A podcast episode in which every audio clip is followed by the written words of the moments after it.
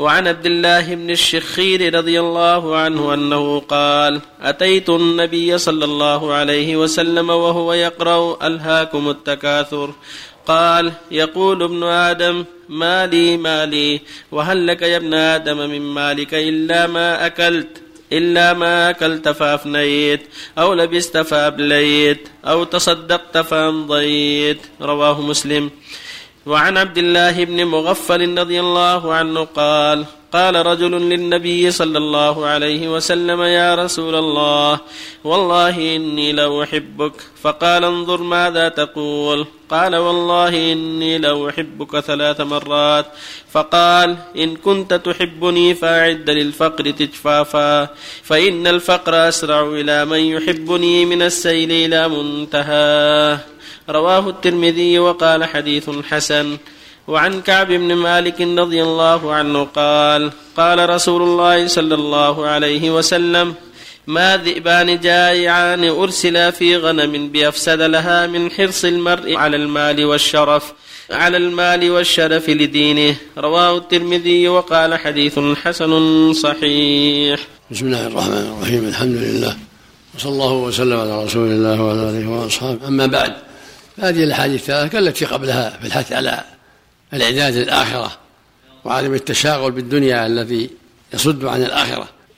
المؤمن خلق ليعبد ربه ويعد العدة لآخرته. لم يخلق للدنيا بل خلق للآخرة. خلق ليعمل. وما خلقت الجن والإنس إلا ليعبدون. يا أيها الناس اعبدوا ربكم الذي خلقكم والذين من قبلكم لعلكم تتقون. فالواجب عليه يعد العدة لآخرته وأن يحذر أسباب التثبيط وأسباب النقص. في هذا الحديث أنه سمع النبي يقرأ صلى الله عليه وسلم ألهاكم التكاثر ألهاكم التكاثر. ويقول يقول العبد مالي مالي وهل لك من مالك إلا ما أكلت فأفليت أو لبست فأبليت أو تصدقت فأمضيت. يعني وما سواه تارك للورثة. فالمؤمن يعمل لآخرته ويجتهد. أما كون يتكسب ليستر عورته ليأكل حاجته ليتصدق ويحسن إلى الناس لا بأس. لا بأس أن يحرص على ما ينفعه. لكن لا تشغله عن الآخرة. تجارة وعمل لا يشغله عن الآخرة.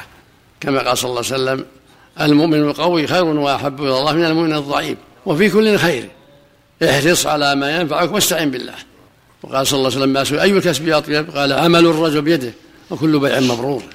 فلا مانع أن يستجر ولا مانع أن يزرع ولا مانع أن يعمل الأعمال الأخرى من نجارة أو حدادة أو غير ذلك لكن يستعين بها على طاعة ربه. لا تشغله عن الآخرة. وهكذا من أحب الله ورسوله وشغل بطاعة الله فليعد للفقر استجبابا لأن لأن يشغل بمحبة الله وطاعته عن الدنيا وطلبها فيبتلى بالفقر. لكن من جمع بينهما فلا حرج عليه كما جمع الصحابة كعبد الرحمن بن عوف الصديق وعمر وغيرهم جمعوا بين الدين والدنيا فهم من أهل الأموال ومن أهل الاستقامة والصلاح بل من العشرة المشهود لهم بالجنة رضي الله عنهم وأرضاهم. والمقصود من هذا أن المؤمن يعد للآخرة ولا يشغل بما يصده عن الآخرة لا يشغل بما يصده عن الآخرة بل يكون عنده الجد في طاعة الله والعمل بطاعة الله والحذر مما يشغله عن الآخرة ولا بأس يعمل يتجر يضع شركة لكذا وكذا يكون حداد خباز نجار خياط لا بأس لكن يتحرى الحق يتحرى الحق والصدق وعدم الغش فإذا فعل ذلك فقد جمع بين الأمرين. جمع بين خير الدنيا والآخرة. وفق الله الجميع. هذا هذا سائل. يريد مزيدا من التوضيح في مسألة المسياد يقول أن المسياد للرجال للنساء أصلا. فهل يجوز استخدامها للرجال؟ إذا كان للنظافة لنظافة الوجه زالت الأوساخ فلا بأس به. مو بخاص بالنساء. الموضع الصابون والإشنان والمكياج كل شيء ينظف للجميع نعم هذا كالتشبه باللباس أو الزي أو الكلام أو المشي. أما الشيء اللي يحصل به النظافة فلا بأس. أحسن الله إليك. هنا اللام اللام. توكيد. ليش؟ آه والله لا أحبك. والله إني لا أحبك. لام الابتداء. مثل إنه لتنزل رب العالمين. إنه لقول رسول كريم. أحسن الله إليك. قولها الفقر يعني يشتغل لأنه إذا شغل بالآخرة والعمل لها قد يبتلى بالفقر.